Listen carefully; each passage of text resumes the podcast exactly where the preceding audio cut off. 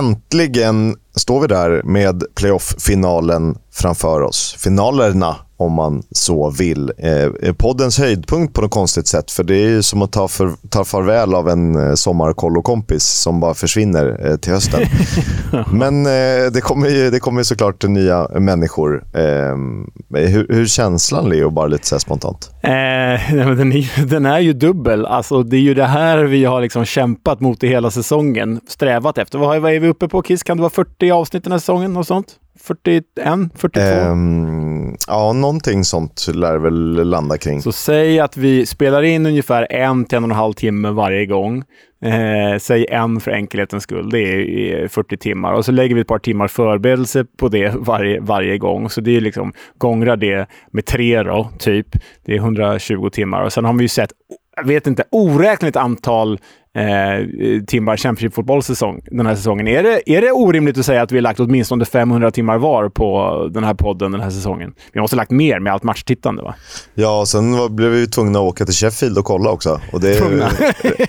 Åh oh, nej. Räknar, räknar vi varenda minut som Championship eh, podd eh, aktuellt. Liksom. Ja, nej, men eh, känslan är ju dubbel. Det här är det vi har väntat på. Det här det är det vi har liksom strävat efter. Samtidigt vet vi att det är bara den här veckan och nästa vecka. Sen tar vi ju faktiskt ett sommaruppehåll, vilket är jävligt dubbelt det också. Det är lika skönt som det är hemskt. Så, nej, jag vet inte, vad känner du? Ja, eh, det är lite som gruppspelet i VM. När det tar slut, då dör ju mästerskapet lite för mig, eh, känner jag. För att det, det, är längre uppehåll. Och det blir lite samma här också. Att fan, jag vill göra de här Wigan Rotherham eh, höjdpunkter mm, 1-1. Det vill man faktiskt.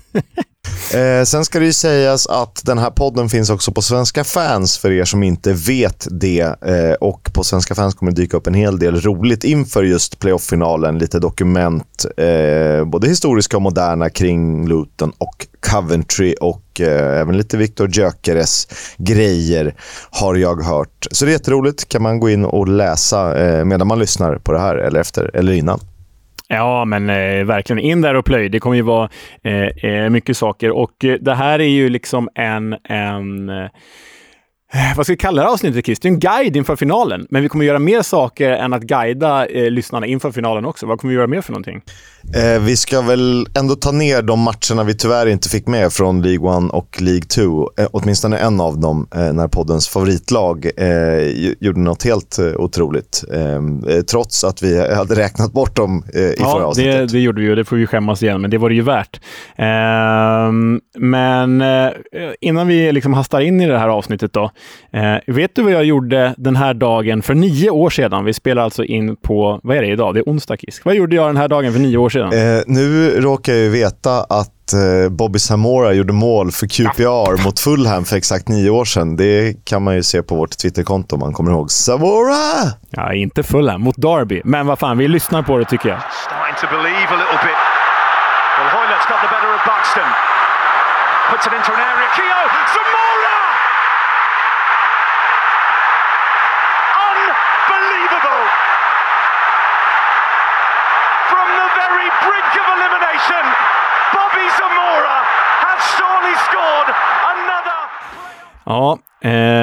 Hittills den enda Championship-final jag har varit på. Det kanske vi kan ändra nästa år. Det tycker jag vi borde göra, Kisk.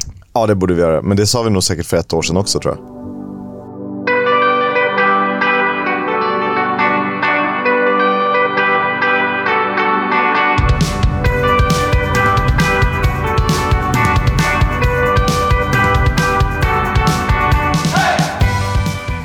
Du lyssnar på Football's Coming Home, en podcast om Championship, League 1 och League 2 med mig, Oskar Kisk. Och naturligtvis även vår eh, stjärna i, på himlen. Eh, stjärna vet jag inte om jag är, men, men den smutsiga fläcken på kameralinsen, Leonard Jägerskiöld Welander.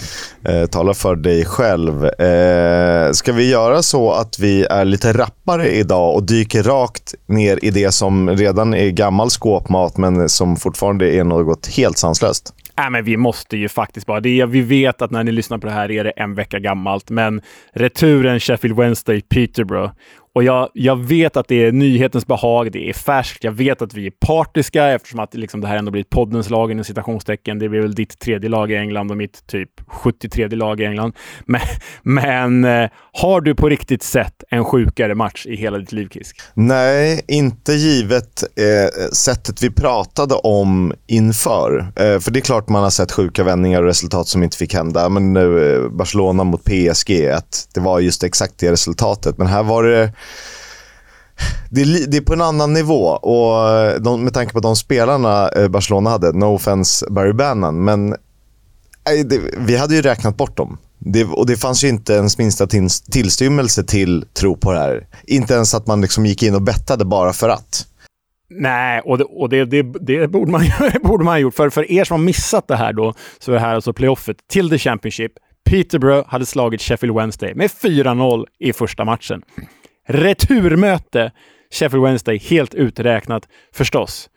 Men de gör ju 1-0 i nionde minuten. De gör 2-0 i 25 minuten. De gör 3-0 i 71 minuten. Jävla snyggt mål av Reece James, hans första i Sheffield Wednesday tror jag. Inte den Reece James. Och de gör 4-0 i 98 minuten. Alltså, då är det ju förlängning. Och och det var jävligt symboliskt mål också, eller hur Kiss? Med Liam Palmer. Ja, men han är ju snart uppe på 400 matcher i Sheffield Wednesday. Egen produkt. Eh, superkille. Alldeles för bra för League One om du frågar mig. Eh, ytterback, kan spela eh, en av tre mittbackar, kan spela eh, som wingback också. Eh, fantastiskt fin. Jag tyckte han var rätt bra när vi var eh, över och såg dem. Ja, verkligen. Och eh, liksom, Det är alltså 98 minuten. De hade aviserat I en match som minuter. skulle spela 90, spelas över 96 minuter. Ja, precis. 98 minuten gör de ett, det här är värt att youtuba, för de gör ett mål som liknar då ja, men Sveriges mot Paraguay i VM 2006. Det är då Albeck nickar fram Ljungberg som nickar in i mål, fast spegelvänt. Liksom.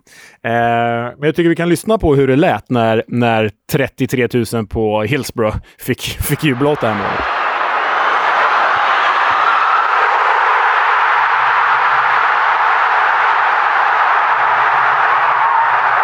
Och så Kiss, vi måste väl höra på kommenteringen också. Han, han, han spräcker ju sin röst där, kära kommentator. Johnson floats it in for Aiden Flint! They've done it! They have done it! Palmer! The most experienced player!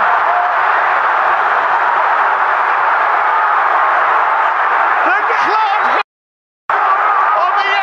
och i sen förlängningen, den var ju helt sjuk, för då, då reducerar ju eh, Peterborough bara liksom fem minuter in genom eh, att det styrs på Lee Gregory in i, i mål. Lee Gregory äh... som låg bakom det ack så viktiga 2-0 målet som gjorde att uh, Ugglorna faktiskt hade häng hela matchen.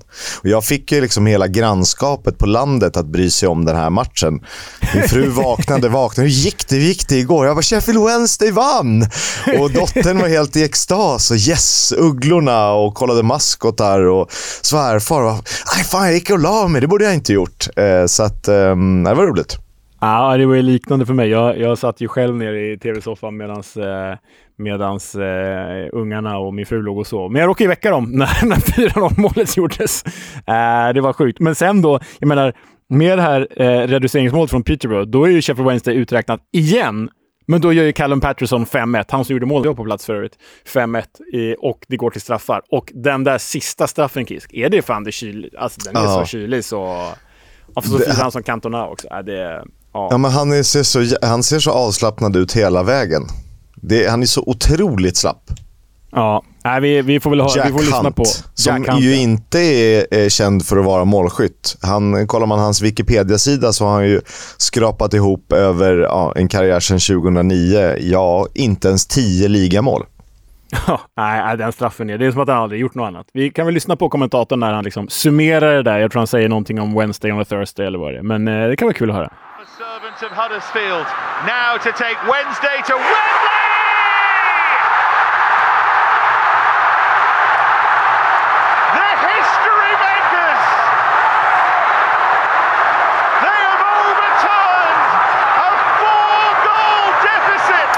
Ja, men det tar vi med oss. Och den här finalen spelas ju på måndag mot eh, Barnsley. Ja, som besegrade Bolton. Eh, Barnsley alltjämt med eh, svenska vdn Khaled El Ahmad. Eh, klev ju in var det, november 2021 eller något sånt där. Eh, tidigare kanske mer känd som eh, högra hand till Magnus Persson, Djurgården bland annat. Har varit involverad i City Football Group, alltså vd för Barnsley som då är en match ifrån att ta sig tillbaka, Sheffield Wednesday Barnsley, i eh, League One-finalen. Ja, eh, dramatiskt kan det bli. Och det är ett eh, Yorkshire-derby. Mm, South Yorkshire. Det är ju lite hat här. Det är väl känslan av att Barnsley ser det här mer som ett derby än vad Sheffield Wednesday gör. Typ lite att jämföra med den som vi var på, att Rotherham såg det som ett derby men inte Sheffield United. Typ så. Det finns ju egentligen bara ett derby där. Tyvärr eh, blir det ju inte, men det skulle kunna bli eh, näst, nästa säsong. Exakt. Det har presenterats retained-listor över eh, Championship och vi kan väl börja i Birmingham som släpper släpper eh, en rad rutinerade spelare. Troy Deeney, Maxime Collin, Harley Dean, George Friend, Jordan Graham och Kevin Long. Och i, och i vissa fall är det ju inte bara att klubben har släppt. Det kan ju vara spelare som inte vill vara kvar. Vi diskuterade om Troy Deeney faktiskt var aktuell för att ta över som tränare i Walsall, till exempel. Så att, um, mycket kan hända. Det är många spelare. Exakt. Om vi fortsätter på de här retained-listorna så går vi till Bristol City. De har släppt trotjänaren Nathan Baker, mannen med namnet Jada Silva och, eh, ja, vad ska man säga, reservspelaren Taylor Moore. Swansea i sin tur har ju eh, inte lyckats ha kvar, eller släppt, beroende på hur ni väljer att se på det, Ryan Manning, eh, vilket är väldigt märkligt i och med att vi tog ut honom som vänsterback i säsongslag. Eh, Kyle Norton, eh, tidigare Spurs. Ehm, Kanske inte riktigt håller nivån för det så eh, Russell Martin vill spela. Och Joel Lattebodier som jag tycker under säsongen faktiskt eh, har växt ut till, till det vi trodde eh, när vi startade den här podden att han skulle kunna vara. Mm, han spelar väl numera som hans namn låter. Eh, in other news har, så har Norwich värvat Huddersfields assisterande tränare Narcis Pelach, som ju var interimtränare i våras. Eh, detta då Norwich tränare David Wagner har jobbat med Narcis Pelach tidigare. Eh, de var även ute efter målvaktstränaren Paul Clements, men han stannar kvar i Huddersfield. Norwich sportchef Stuart Webber, eh, han eh, uttrycker sig eh, ganska kraftfullt. I'd never move on because of, without being rude, a few divorces in a snake pit abusing me. Så kan man också uttala sig. Ja, den är, han är hård där mot kritikerna, de kritiska Norwich-fansen som vill ha bort honom. Eh, I ryktesväg då, Crystal Palace jagar Middlesbroughs Shuba Akpom som Borough värderar till blott 15 miljoner pund. Ja, det är ju taget nu. Ehm, eh, från Crystal Palace-håll alltså. Feyenoord eh, ser ju ut att tappa sin huvudtränare Arne Slott till eh, Tottenham verkar vara hetaste kandidaten just nu och vill då ersätta honom med Jon Dahl Tomasson för närvarande i Blackburn Rovers. Och det hade väl varit tungt att tappa tränare två säsonger i rad. Det är knappast någon kontinuitet. Nej, och eh, på tal om tränare så är det så att Swanseas Russell Martin är i det närmaste klar för Southampton som tränare. Southampton som ju har degraderats till vår kära serie. Och eh, om bara stannar här lite kort, Kisk. Vad känner du inför den tränarutnämningen?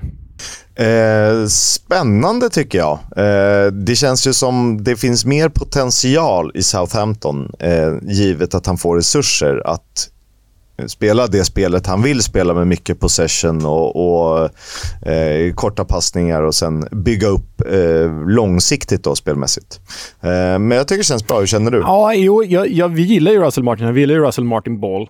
Eh, Walesisk tiki-taka eller Norwich tiki-taka. Men, men eh, Eh, ändå, det är ändå lite upp till bevis. Man pratar ju om hans fina fotboll, men i, men i, i Milton Keynes så blev det ju bara en mittenplats i, i League One och i Swansea blev det som bäst i år då, tionde plats. Så det är ju det är inte så bra som man tycker att spelet är, resultatmässigt i alla fall.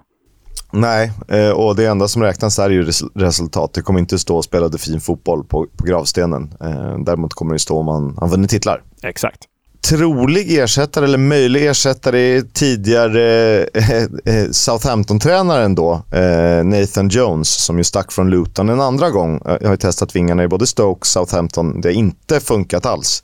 I Luton har det funkat jättebra. Nathan Jones alltså. Eh, han är ju dock ganska tydlig med sitt supporterskap till Cardiff City och sånt är ju inte populärt i Swansea, såklart. Nej, och eh, mycket tränarnytt här. Sunderland har bekräftat att Tony Mowbray stannar över nästa säsong och det gör de förstås helt rätt i. Några andra som gör helt rätt är ju Blackpool, The Tangerines, som ju har eh, eh presenterat Neil Critchley som är tillbaka i klubben. Väldigt roligt och det funkade ju bra sist, så att, eh, det tror vi på. Sen kommer eh, vi röra oss till Blackpools eh, nedflyttningskompis Wigan. De kommer nämligen inleda säsongen i League One med fyra minuspoäng.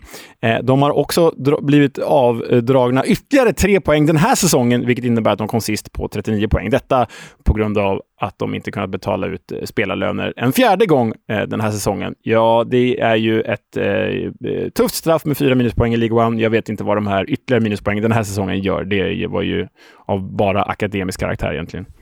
Känns ju som att eh, de kan få det rätt tufft i League One. Brentford eh, har satt upp sin toppkandidat för att ersätta avstängde Ivan Tony på topp. Och det är svenske Viktor Gyökeres som ju spelar playoff-final med Coventry ganska snart. Eh, det är väl fler intressenter. Det pratas om Wolves. Eh, det har väl pratats om en handfull klubbar i Premier League. Vi får se var han hamnar. Kanske är det Coventry om de lyckas vinna den matchen. Och sen har PFA Championship Fans Player of the Year, alltså de bästa spelarna utsedda av fansen, eh, eh de har offentliggjorts. Så det är föga oväntat. Victor Jackers i Coventry, Chuba Akpom i Middlesbrough, Illiman Ndiaye i Sheffield United, Amad Diallo i Sunderland, Carlton Morris i Luton och Nathan Tella i Burnley. Mm. Eh, de gillar inte defensiva spelare, eller? Nej, det gör de inte, kan man säga.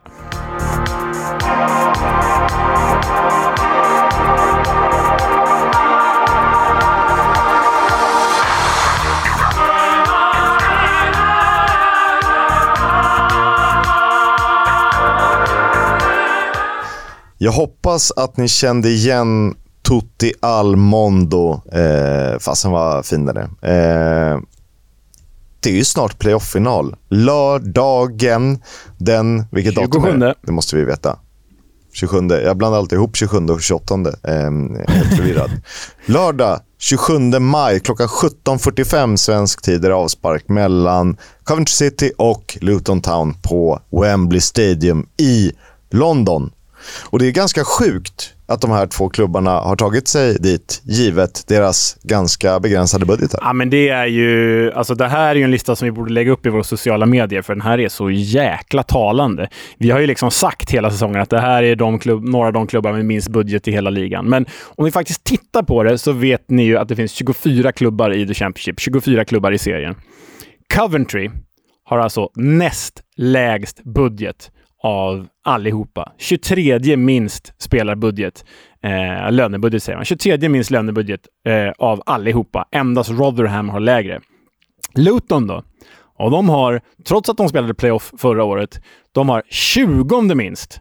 Så liksom rent ekonomiskt är det här det är overkligt. Det här är ju overkligt och jag vet att det var någon som skrev till mig att det är en överdrift att jämföra det här med när Leicester vann Premier League, men jag tycker inte det. De här två i final, det är jämförbart med när Leicester vann Premier League.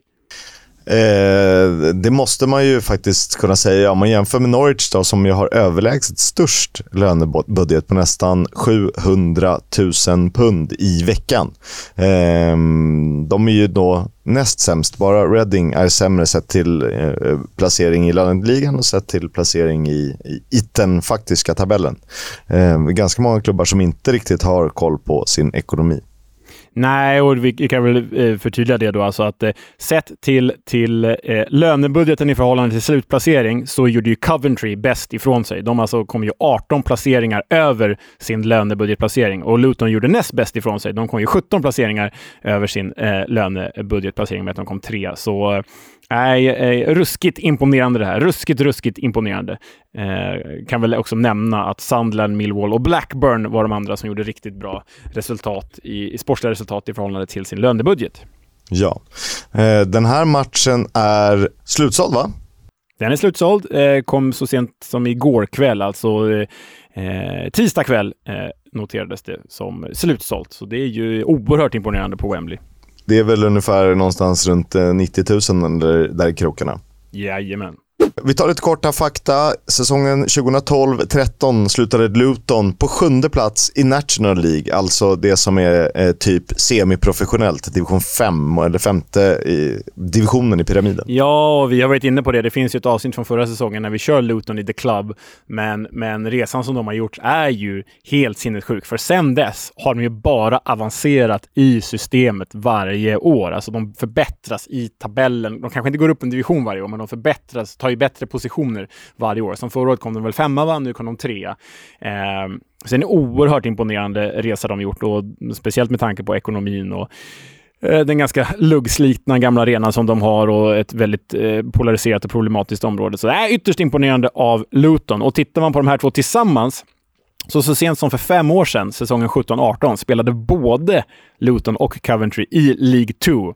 Då gick Luton upp som tvåa och Coventry lyckades kvala upp efter en sjätteplats. Luton har eh, spelat fyra raka säsonger i Championship sedan eh, de faktiskt flyttade upp till serien och eh, Coventry har väl tre eh, raka säsonger sedan de kom upp ur League One. Ja, och Coventry har ju inte spelat i Premier League sedan 2001. Det är alltså 22 år sedan. Men om ni tycker det låter som länge så har ju Luton aldrig spelat Premier League. För sista säsongen de gjorde högsta serien, det var säsongen 91-92. Så de missade ju Premier League precis där över en sommar. Eh, stackarna. Det är väl några fler klubbar. Är det Notts County också? Eller vilka är Notts det mer? County. Ja. Det är Luton och Notts County. Eh, och så sent som i december låg ju faktiskt Coventry på 15 plats i serien. De inledde ju säsongen som jumbo och och eh, klättrade därefter. Mycket matcher ska tilläggas, men ändå. Luton var ju tia när Rob Edwards tog över under hösten och han har ju verkligen fått ordning på det här. Ja, det får man ju verkligen säga. Eh, Watford låg ju då fyra när de sparkade honom. Shame on you Watford. Eh, imponerande av Rob Edwards och Luton. Och Rob Edwards kan ju då vara med om en andra raka uppflyttning, för förra säsongen flyttade han ju upp Forest Green Rovers från eh, League 2 till League 1. Rent formmässigt då så är Luton obesegrat i de nio senaste matcherna mot Coventry och det är ju jäkla imponerande. Fyra segrar, fem kryss. Medan Coventry aldrig har förlorat en playoff-match i IFL med tre segrar och två oavgjorda. Eh, den här säsongen har man mötts två gånger, obviously. Luton spelade 2-2 hemma på Kenilworth Road och eh, när Coventry bjöd in till CBS Arena så slutade matchen 1-1. Alltså två kryss eh, i inbördesmöten. Ja, och om vi tittar på de senaste playoff-insatserna så spelade Coventry senast playoff då säsongen 2017-2018 då eh, man vann i playoffet hela vägen och tog sig upp till League One. Medan Luton hade ju eh, playoff så sent som förra året till Premier League. Eh, då åkte de mot Huddersfield i semifinalen och det var väl egentligen inget snack. De var slut och tröttkörda. Eh, hyfsat lika formrader, men eh, någon fördel för Coventry. Eh, tre segrar, tre oavgjorda på de sex senaste. Bara en förlust på 19 matcher, vilket eh, ju såklart man tar med sig som något positivt. Vi har pratat om att form absolut en avgörande faktor när man ska kvala upp åt i seriesystemet. Det brukar ju vara till och med den avgörande faktorn.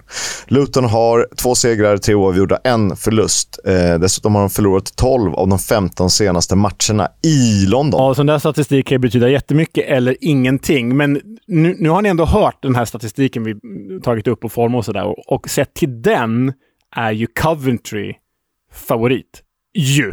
Men vad säger du Kisk? Är de, är de favoriter eller är Luton favoriter? Jag tycker att Luton ska vara knappa favoriter. Eh, men det är väldigt knappa favoriter. Och jag tycker att det finns så många faktorer som när man adderar dem, då slipar du liksom ner favoritskapet och helt plötsligt är det ett, eh, ett lika läge. Och det brukar ju vara väldigt små marginaler som avgör. Det blir ju inga eh, 4-0, står man här och säger. Men det är klart att det, det, kan rasa ihop eh, efter ett lag flyttar upp och sådär. Men det känns ju som tillknäppt och målsnålt eh, är vägen framåt. Ja, framförallt när det här är två lag som spelar så kallad liksom playoff-fotboll.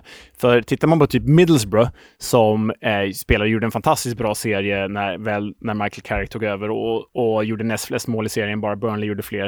Eh, de spelar en seriefotboll där man liksom kör över motståndet för att man spelar den offensivaste, flärdfullaste fotbollen. Men när de gick in då i ett playoff-slutspel, semifinalspel, mot Coventry så mötte de ett lågt sittande Coventry med tung defensiv, ramstarkt lagbygge och det är ju liksom lite mer den fotbollen som brukar premieras i den här typen av, av slutspel. Och nu är det alltså två sådana lag som möter varandra. Alltså defensivt strukturerade, organiserade lag. Eh, det talar ju dels för att det är målsnålt, men, men det, det, finns ju, där, därigenom finns det inget favoritskap på vare sig Luton eller Coventry. Men jag håller med dig när du säger att Luton är favorit. Och du säger knapp. Jag säger nog till och med att Luton är en, inte stor favorit, men ändå liksom favorit. Jag skulle se det som en skräll om Coventry eh, eh, vinner den här finalen. Mm. Eh, på Wembley har Coventry vunnit tre av fyra matcher när de har spelat där. Luton har förlorat fem av sju, så det är klart att det spelar in också. Eh, komma till en ny arena. Eh, snabbt, senast jag kollade oddsen så fick man strax över tre gånger pengarna på eh, ettan, alltså på Coventry, respektive på oavgjort efter full tid. Och oddset på Luton var 2,43 gånger pengarna. Ehm, så alltså knapp favorit. Ganska korrekt. Som vanligt har jag alltid rätt. Förutom när det gäller Sheffield Wednesdays playoff-matcher. Nej, de ska vi aldrig mer tippa, upp, uppenbarligen. Um, jag tycker det finns två skillnader här, Chris. Jag vet inte om du håller med, men vi har sagt att det är liksom två ganska ramstarka, solida lag. Det är två lagbyggen. Men om man liksom um, skärskådar dem lite mer så är väl Luton det egentliga laget. Alltså visst att de har standout player i Carlton Morris som gjorde 20 mål den här säsongen. De har standout player i Tom Lockyer som kanske varit ligans bästa mittback. Um, och de har väl liksom en standard player i Marvelous Nakamba. Vi hamnar Aston Villa-lån, va?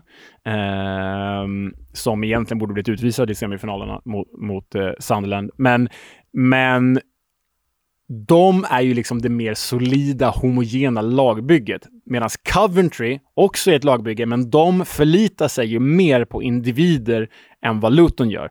Coventry är ju liksom mer beroende av Victor Gyökeres än vad Luton är av Carlton Morris. Coventry är mer beroende av Gustavo Hammer än vad, än vad eh, Luton är av Marvelous Nakamba till exempel. Och Coventry är väl mer beroende av Ben Wilson, deras målvakt, än av vad Luton är av någon av sina defensiva pjäser. Så ja, det tycker alltså, jag är en skillnad i alla fall. Ja, verkligen en jättestor skillnad. För skulle till exempel Gyökeres skada sig på uppvärmningen så eh, sjunker chans chanserna drastiskt. Om Carlton Morris går sönder, nu är förvisso hans ersättare eh, skadad, så skulle jag inte se det som lika allvarligt. För Luton har, även innan Rob Edwards, varit ganska bra på att ersätta med liknande... Alltså alla spelare är typ jämnbra.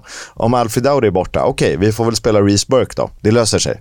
Eh, jag tycker att den mentaliteten liksom genomsyrar egentligen hela truppen. Och ehm, det finns lite roliga grejer. Vi kanske ska börja med eh, skadeläget. Eh, vi börjar hos de som står som hemmalag. Men för, först när jag såg det var det Luton som stod som hemmalag. Sen ändrade de, men kanske singla slant. Just det.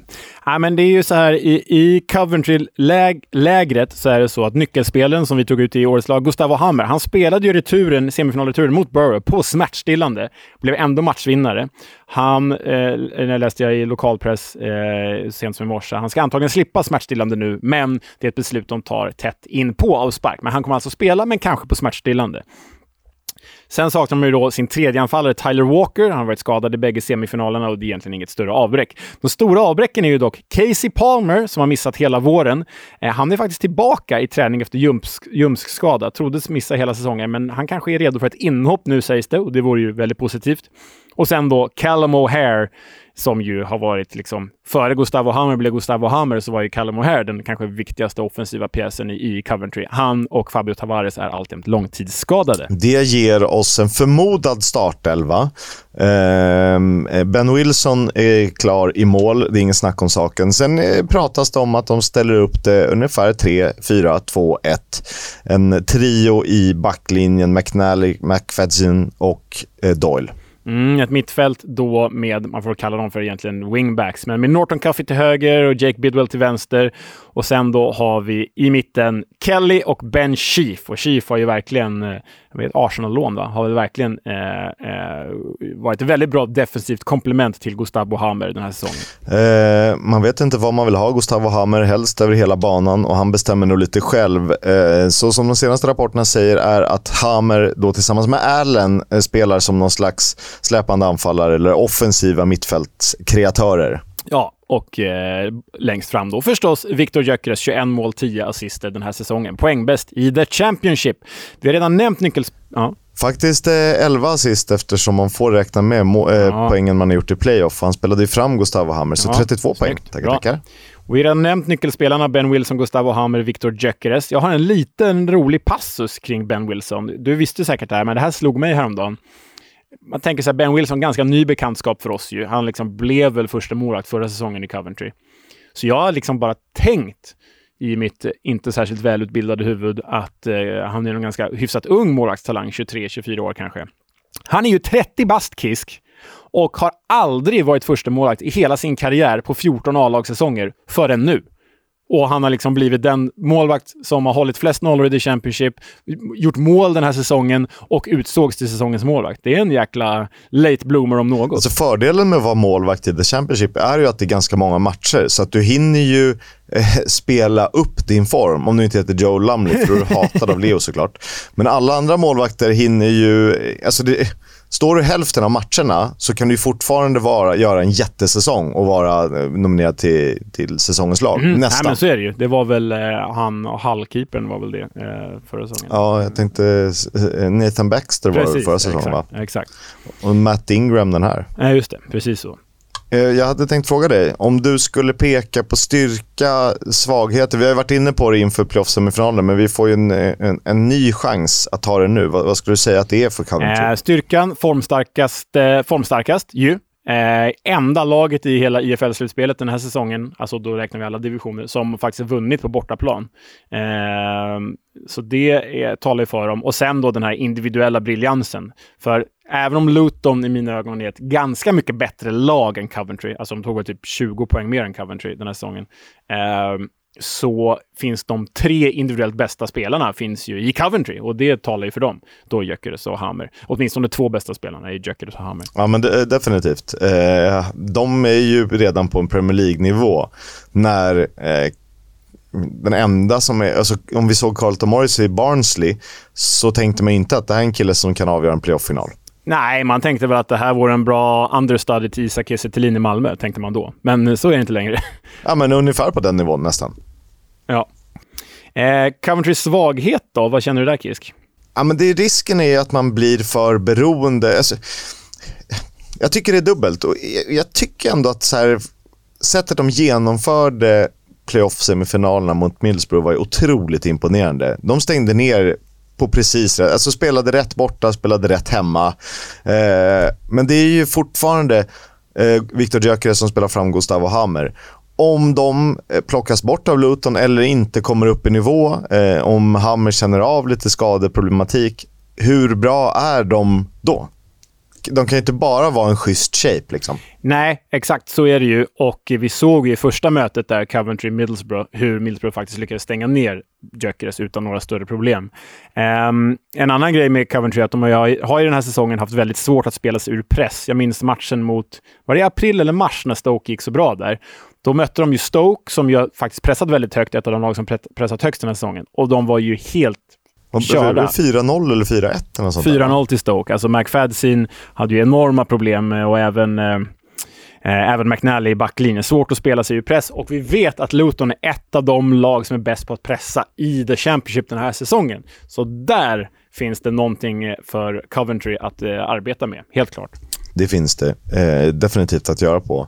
Eh, det kan vara intressant att hålla koll på saker. Till exempel det att om Coventry skulle vinna det här, då blir Mark Robbins den åttonde managern att flyttas upp från fjärde, tredje och andra divisionen med samma klubb. Jävlar. Ja, det är coolt. Vilket... Ja, det är otroligt. Alltså. Det är ju ett gäng, eh, vi kan ta de övriga. David Bowen för Northampton Town, Alan Ashman för Carlisle United, Jimmy Cyril, Notts County, Graham Taylor, Watford, John Toshak i Swansea, Dave Bassett, Wimbledon och Eddie Howe med Bournemouth. Mm, ja, det är imponerande. Det är ju bara Eddie Howe som är eh, inom ramen för vårt medvetna fotbollsföljande. Men ändå, det är, ytterst imponerande. Äh, Toshak och Bassett tycker jag ändå att Ja, men de man, har vi ju man, koll på. eh, Även Graham Taylor, men alltså, då var man ju typ tre år gammal när Torsak gjorde det. Jag har inte jättebra koll på Alan Ashman i Carlisle om jag ska vara helt ärlig.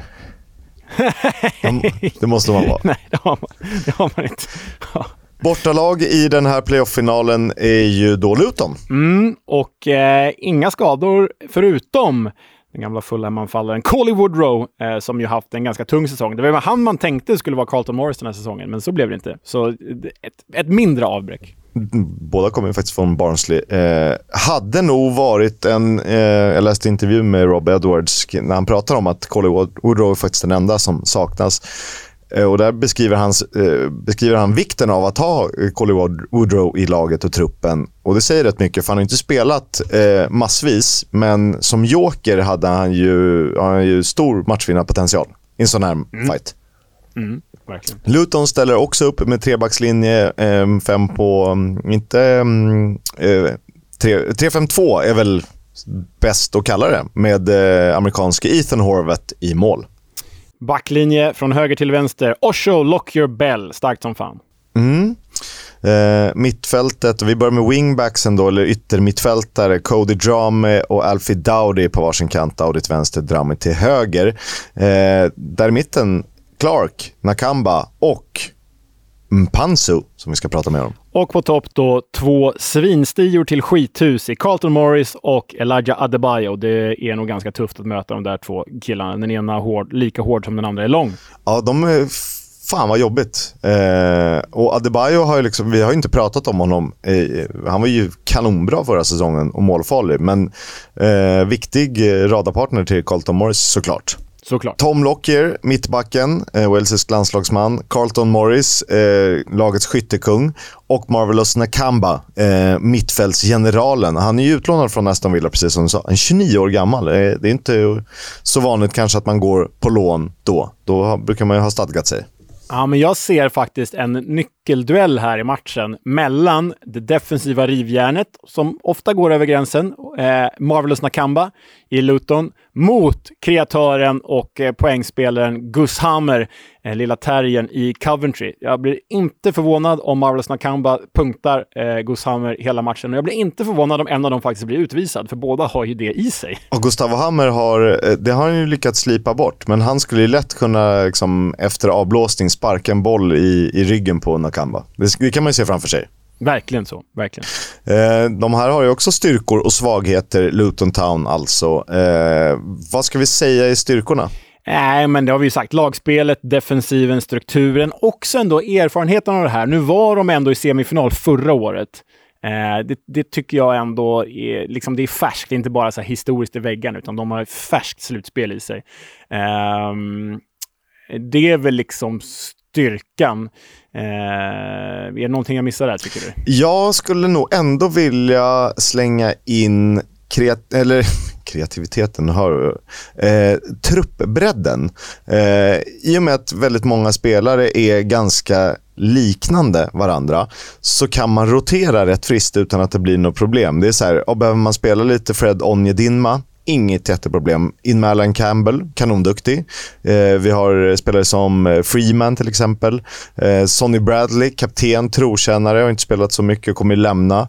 Eh, Reese Burke, jättefin och kan användas på många positioner. Så det gör inte så mycket om det skulle hända någonting och det, det vill också addera som en styrka. Eh, ja, men det håller jag med om. Eh, svaghet, då har vi skrivit kreativitet här och det är ju, det är ju inte ett särskilt kreativt, kreativt lag. Men jag vill också lägga till där, känns väldigt hårt eftersom att det här är den målvakt som höll nollan näst flest gånger i, den gångna, eh, series, i det gångna seriespelet. Men Ethan Horvath ser jag lite som ett svaghetstecken där. Vi minns ett par grodor han gjorde förra säsongen för Nottingham Forest bland annat. Vi kan väl säga att eh, eh, något svagare och kanske lite mer misstagsbenägen än eh, Ben Wilson i givet säsongen. Exakt. Eh, att hålla koll på då. Pelly, Ruddock, Mpansu på Luton-mittfältet kan bli den första spelaren att representera samma lag i, lyssna nu, samtliga divisioner. National League, League 2, League 1, Championship och Premier League om Luton vinner och han får vara kvar. Det hade ju varit så jäkla ballt. Ja, ah, det hade varit helt, helt jäkla otroligt alltså. Ah, det vore, ah, wow. Förstå liksom spela allsvensk fotboll eh, i division 3, eller spela eh, fotboll i Sverige då, så spelar du i division 3 och 2 och 1 och superettan och allsvenskan. Det är ju wow. ja, det är otroligt. Vilken resa. Eh, det är bara ett lag tidigare som tagit sig från National League till Premier League på nio år eller mindre. Det är faktiskt nio år, så att Luton skulle ju då tangera det. Vet du vilket? Oj, vilken fråga. Ehm, eh... Jag hade inte tagit det på rak arm, så det är inte, det är inte sånt. Jag bara tänkte ja, att men jag, du... ja, det här vill jag ju sätta nu när jag frågar. Jag måste tänka. Jag tänker att alternativen som dyker upp i mitt huvud här, det är Brentford, tror jag inte att det är, men det känns som ett alternativ. Ehm, Wimbledon, Swansea, Wigan. Uh, oh, fan, jag har lite dålig koll på hur det var för Wimbledon. Jag säger Swansea. Eh, nej, men du sa det. Wimbledon. Wim, det var Wimbledon eh, alltså? Ah. Ja, det är starkt att ta den ändå. 77 till 86 minns, om jag minns rätt. Ja, oh, jäklar. Ja, ja, det är du. Det är stort. Sen fakta som eh, talar emot Luton då. Är det laget som slutar trea har misslyckats med att vinna playoff-finalen fem av åtta gånger när de har försökt. Eh, det betyder ju fasen ingenting. Men nu vet ni det i alla fall. nu, nu, vet vi det. Okej, okay, Kisk. Eh, nu har vi kommit till det här då vi ska både tippa och eh, hoppas vad, eh, i vilken ände börjar Ska vi börja med vad du hoppas på? Uh, oh, det, det, finns så många bottnar. Jag tycker att såklart, i och med att jag är svensk, så, uh, eller jag är est, men jag är också svensk. Uh, jag är inte estnisk medborgare. Men jag tycker det hade varit väldigt roligt för Viktor Gyökeres om han fick göra en kanoninsats, kanske till och med avgöra. Och han ska ju lira, han ska ju vara startare i landslaget. Men samtidigt, i och med att Luton har blivit lite av ett favoritgäng i, i den här serien, eh, så hade det varit otroligt kul och sättet de har tagit sig från National League till den här finalen på Wembley så unnar jag dem det. Eh, men jag hoppas på Luton. Mm, jag, eh, alltså så här, vi kan ju bara vinna här, för det här är ju vad, det här är ju anledningen till att vi håller på med den här podden. För visst, Burnley studsade tillbaka direkt upp. Sheffield United fortfarande under parachute payments, gick upp efter två år. Men det är ju de här samsagorna vi är ute efter. Antingen lag David mot David, David historier. Nej, men en av David kommer ju spela mot alla Goliaths nästa säsong. Och det här är ju liksom på en annan nivå än det extremt välskötta och faktiskt ganska rika Brentford. Det här är på en annan nivå än jag vet inte vilka andra smågäng som varit där uppe. Det här är ju liksom jämförbart med Blackpool för 12 år sedan. Det är ju där vi är i hierarkin just nu. Um, och, eh, ja, för att eh, om man ska knacka på på Lutons träningsanläggning, där har jag inte varit, eller på liksom kontoret. Då, min eh, förutfattade mening är att det känns som att typ springa upp på Stadshagen med Mariebergs sportklubb. där det är liksom en, liten gammal så här, bygg, så här, liten bygglåda som någon har snott och så har de inrett det med några lite vimplar. Ja, men typ, typ så. Eh, vi kan ju bara vinna och om du säger Luton, jag har ju, jag har ju jag har ju faktiskt en Coventry-tröja hemma, men inte en Luton. Så jag hoppas väl på Coventry då, men jag är lika nöjd oavsett. Um, vad tror du? Ja, vad tror du? Jag tror att det står 1-1 efter 90 minuter. Och Det är klart att det kan gå till straffar, men jag tror att det kommer ett avgörande i, under förlängningen. Eh, det, så 1-1 efter fulltid, 2-1 efter eh, förlängning. Jag vet inte om det jag tror att det faktiskt är Viktor Gyökeres som springer sig fri och eh, gör målet. Eller om det är någon i Luton som kan lyckas eh, bröstvårta sig eh, via Carlton Morris. Eh, Gyökeres eller Adebayo. Medan du bestämmer dig så ska jag fundera. Vad tror du? jag, är, jag känner mig ändå rätt trygg med att Luton vinner det här i full tid. 1 eller 2-0 till Luton. Det tror du? Oj, säkert.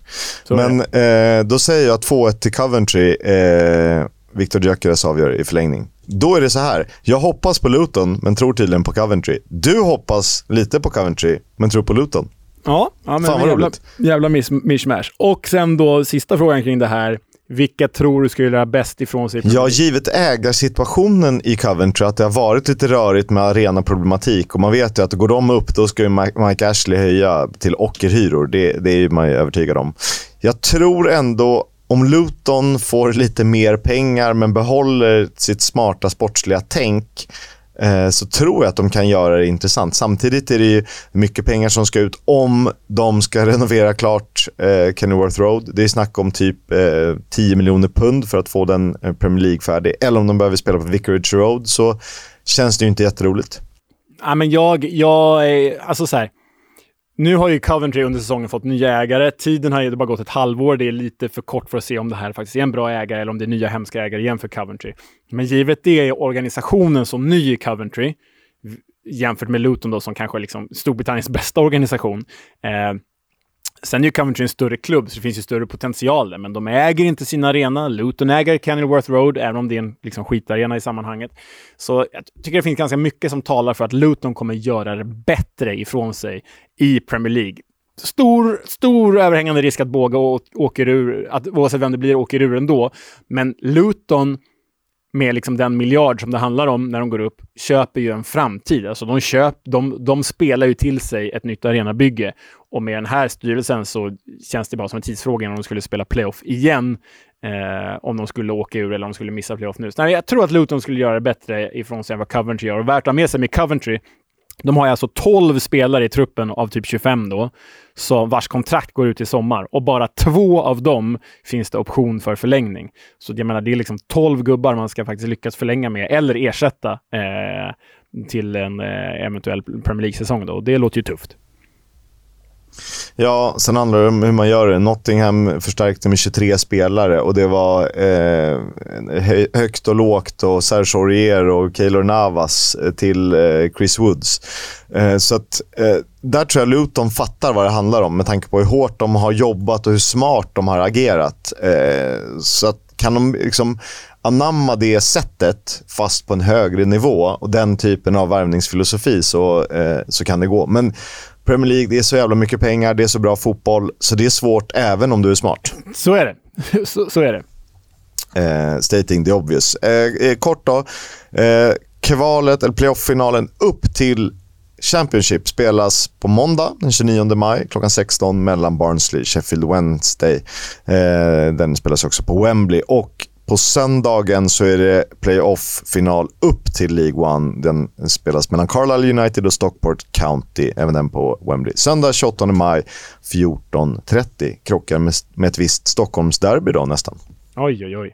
Och sen får vi se. Eh, vågar vi garantera att vi gör ett klubb om vinnarnas resa eh, hit? Det tycker, jag att vi, det tycker jag att vi gör nästa vecka. Liksom så här, från helvetet till, till finrummet. Det kan ja, vi göra. Då gör vi det. We'll have a chat about the fucking game. About your game, last few months, last few weeks. Fucking character. Eh, det här är faktiskt veckans War Knox. Inget stämmer i det här avsnittet, allt är tvärtom. Eh, vi börjar eh, med en av två bröder. Han heter Phil. Han är eh, borta i Staterna och han är ruskigt förbannad när han blir avbruten. We we we won fight. We. No, can I finish speaking?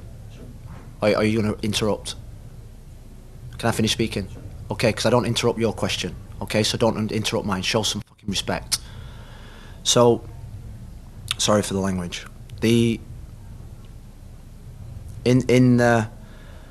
Sorry, what was the question? Ask me the question again, please, Franco. Eh, den andra brorsan har ju också varit ute och svingat. Ja, men jag måste bara kommentera där Phil Neville, Phil Neville innan. Alltså han kokar av ilska och ändå är han liksom väldigt artig och ber om ursäkt för sina, för sina hårda ord som inte är så hårda. hårda. Jag vet inte. Det är något väldigt... Sättet han, sättet han pratar på, det ju, känns ju så mycket Sean Deitch och eh, Neil Warnock. Eh, när de inte var på humör efter en förlust. Ja, men typ väldigt artig på samma... Det är väldigt Phil Nevilles det här. Men ja, hans brorsa har ju också varit ute. Det kom ut en intervju med Gary Neville häromdagarna där han tycker sig ha kommit på eh, eh, någon, han tycker sig ha kommit på någonting som han kallar för... Ja, men det kan vi lyssna på det först och så tar vi ner det sen.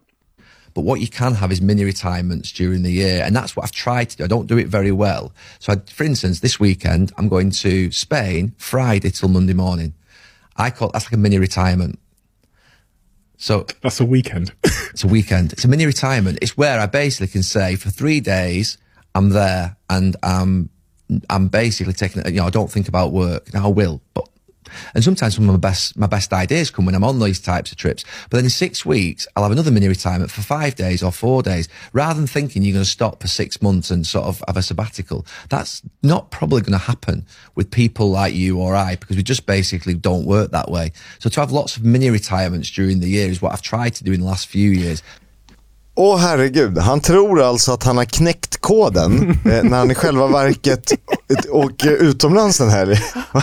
Han- Va- va- va- jag fattar ingenting. Mi, Vad är- mini är han- retirement, det är som den här killen säger bara. Han bara, that's a weekend. Alltså det är bara det är en weekendresa liksom.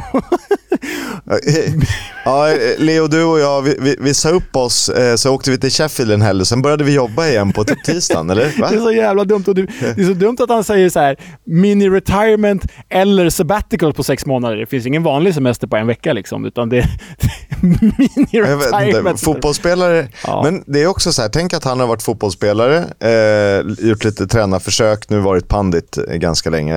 Eh, han har ju förmodligen aldrig levt ett vanligt liv, utan bara levt efter, nu spelar jag ingen fotboll, så nu kan jag göra det här. Nu kan, och då är de typ, åker de till något konstigt ställe, Ibiza eller nu med Dubai i tre veckor.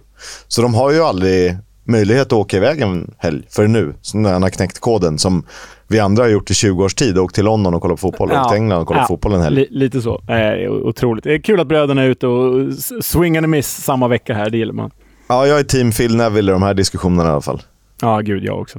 Eh, det var allt för idag. Må bästa lag vinna. Fy fasen vad roligt med playoff-final. Vi ska givetvis ta ner den innan vi tar sommarlov eller en mini-retirement eh, över tre månader. som, en jävla bra titel.